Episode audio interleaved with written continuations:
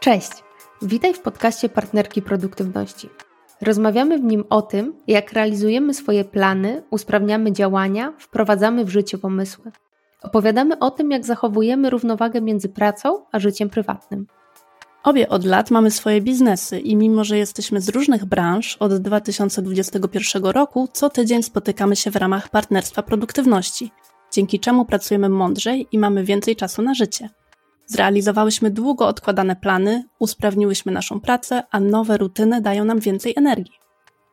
Dzięki partnerstwu produktywności dokonałyśmy zmian, o których długo marzyłyśmy. Edyta, radczyni prawna, zdecydowała się na zmianę kariery o 180 stopni. A Sylwia, ekspertka od roślin egzotycznych, postanowiła po 15 latach zamknąć popularny sklep z bambusami i ruszyć w nowym kierunku. Łączy nas dążenie do tego, by dzięki mądrej pracy mieć więcej czasu na życie, by praca dawała satysfakcję i była polem do rozwoju. Wiemy, że to właśnie partnerstwo produktywności pomogło nam podjąć trudne decyzje i odważyć się na zmiany. Dlatego dzielimy się swoją wiedzą i doświadczeniem, aby być partnerkami produktywności również dla Ciebie. Zapraszamy do słuchania i subskrybowania. Edyta Jania Kwiatkowska i Sylwia Henek, czyli partnerki produktywności.